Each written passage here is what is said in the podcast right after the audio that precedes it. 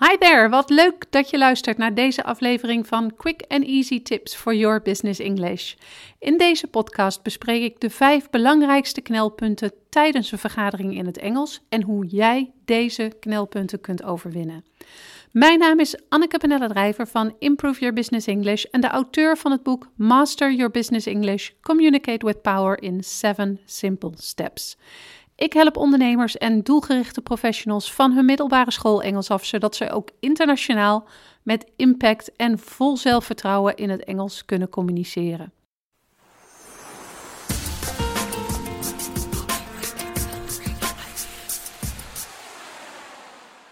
In deze podcast staat het thema vergaderen centraal.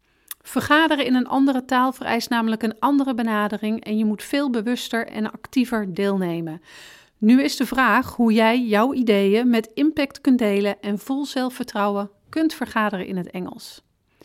In een eerdere podcast van Improve Your Business English, leid je vergadering effectief met deze uitspraken, heb ik het gehad over hoe het werkt om een Engelse vergadering te leiden. Daar ging het onder andere om het in het Engels aangeven van structuur en beurten, checken hoe je kunt testen of iedereen begrijpt wat er besproken wordt en hoe je ervoor kunt zorgen dat alle aanwezigen hun mening kunnen delen. Vandaag wil ik je meenemen in een andere vergaderrol waarbij de aandacht op jou gericht is, namelijk het zelf deelnemen aan een Engelse vergadering. En ik wil met name ingaan op de vijf knelpunten die je kunt ervaren tijdens een Engelse vergadering.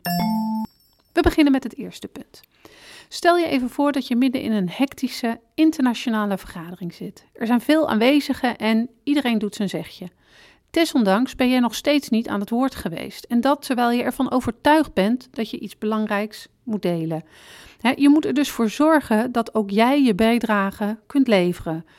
Het knelpunt hier is: hoe onderbreek jij zo'n vergadering? Als je iemand in het Nederlands moet onderbreken, denk je hier waarschijnlijk niet eens bij na. En dat komt omdat je als sinds jong van jongs af aan hebt geleerd hoe je iemand beleefd kunt onderbreken en hoe je je mening op het juiste moment kunt delen. En daarom heb je er in het Nederlands inmiddels al verschillende manieren voor gevonden. Maar ik kan me voorstellen dat je in het Engels wel even twee keer nadenkt voordat je iemand onderbreekt. We weten tenslotte allemaal dat Britten beleefdheid erg waarderen en dat we als Nederlanders bot over kunnen komen, terwijl we het helemaal niet zo bedoelen. De belangrijkste vraag hier is dus: hoe onderbreek ik iemand op een internationale bijeenkomst op een beleefde manier? Allereerst wil ik je aanraden om te wachten op een natuurlijke pauze. En een natuurlijke pauze vindt plaats op het moment dat de spreker bijvoorbeeld een vraag stelt. Op dat moment geeft, hij, uh, geeft de spreker het recht om te spreken door aan iemand anders en kun jij er mooi tussen komen. Maar er is bijvoorbeeld ook sprake van een natuurlijke pauze als de spreker even pauzeert om een slok koffie te drinken of als hij duidelijk maakt dat hij zijn verhaal heeft afgesloten. Op zo'n moment kun je op een beleefde manier om het woord vragen. Dit kun je bijvoorbeeld met, doen met een zin als Might I just interrupt for a moment? Of met If I could just interject for a moment. Door je onderbreking met deze zin te starten, vraag je indirect of het oké is om te onderbreken. Dit is een stuk beleefder dan om zomaar te beginnen met je verhaal.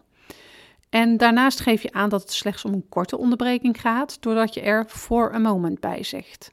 Een alternatief is I'm sorry to interrupt, but of if no one objects, I would like to say a few words about al deze zinnen zijn beleefde manieren om te gebruiken bij een onderbreking en kun je dus rechtstreeks overnemen in een Engelse vergadering. Door naar het tweede knelpunt. Het komt vast wel eens voor dat je iets niet goed verstaat tijdens een Engelse vergadering. Dat is ook helemaal niet gek, want als je je bedenkt dat er allerlei mensen bij zo'n vergadering zitten van wie het Engels niet de moedertaal is en die het misschien niet eens goed op school hebben geleerd.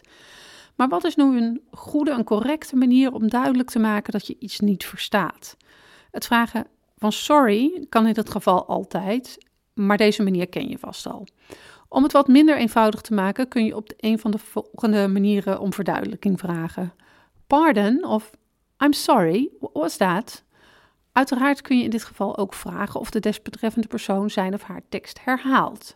En dat doe je door het volgende te vragen. Could you repeat that, please?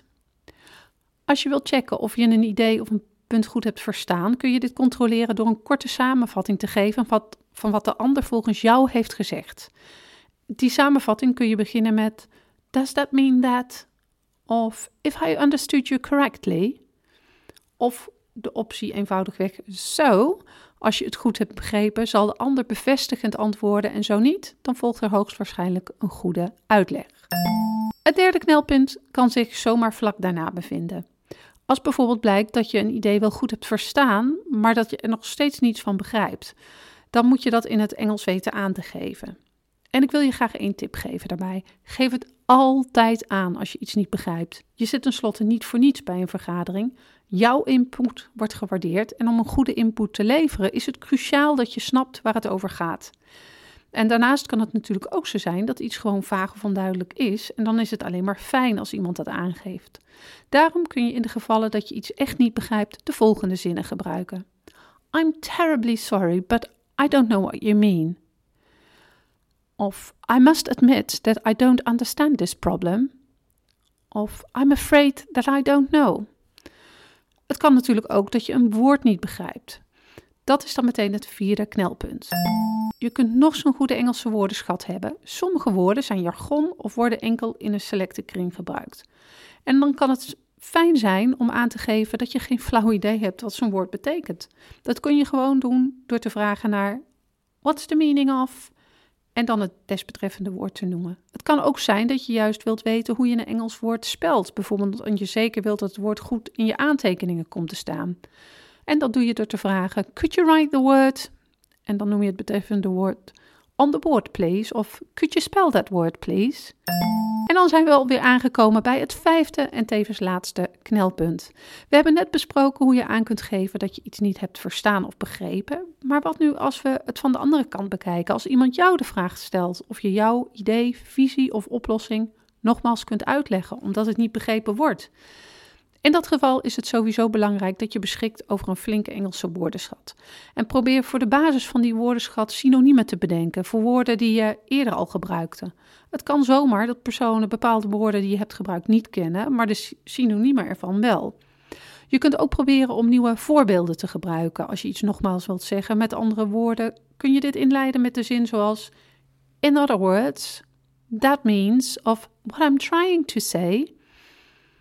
En dat waren ze. Mijn tips voor jou om je uit de knelpunten van een Engelse vergadering te helpen.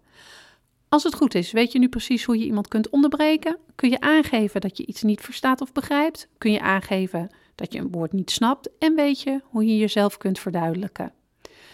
Als je nu benieuwd bent naar de podcast over het leiden van een vergadering, zoek dan naar de podcast Engelse Meeting. Leid de vergadering effectief met deze uitspraken op mijn profiel. In de volgende podcast gaan we uitgebreid in op Engelse termen op de beurs. Vergeet je dus niet te abonneren om ervoor te zorgen dat je deze handige podcast automatisch voorbij ziet komen. Wil je nou nog meer uit je Engelse vergadering halen? Kijk dan eens of het e-book Impress and Express 7 vragen over vergaderen in het Engels beantwoord iets voor jou is. En dat kan op onze website www.improveyourbusinessenglish.nl. See you next time met quick and easy tips for your business English.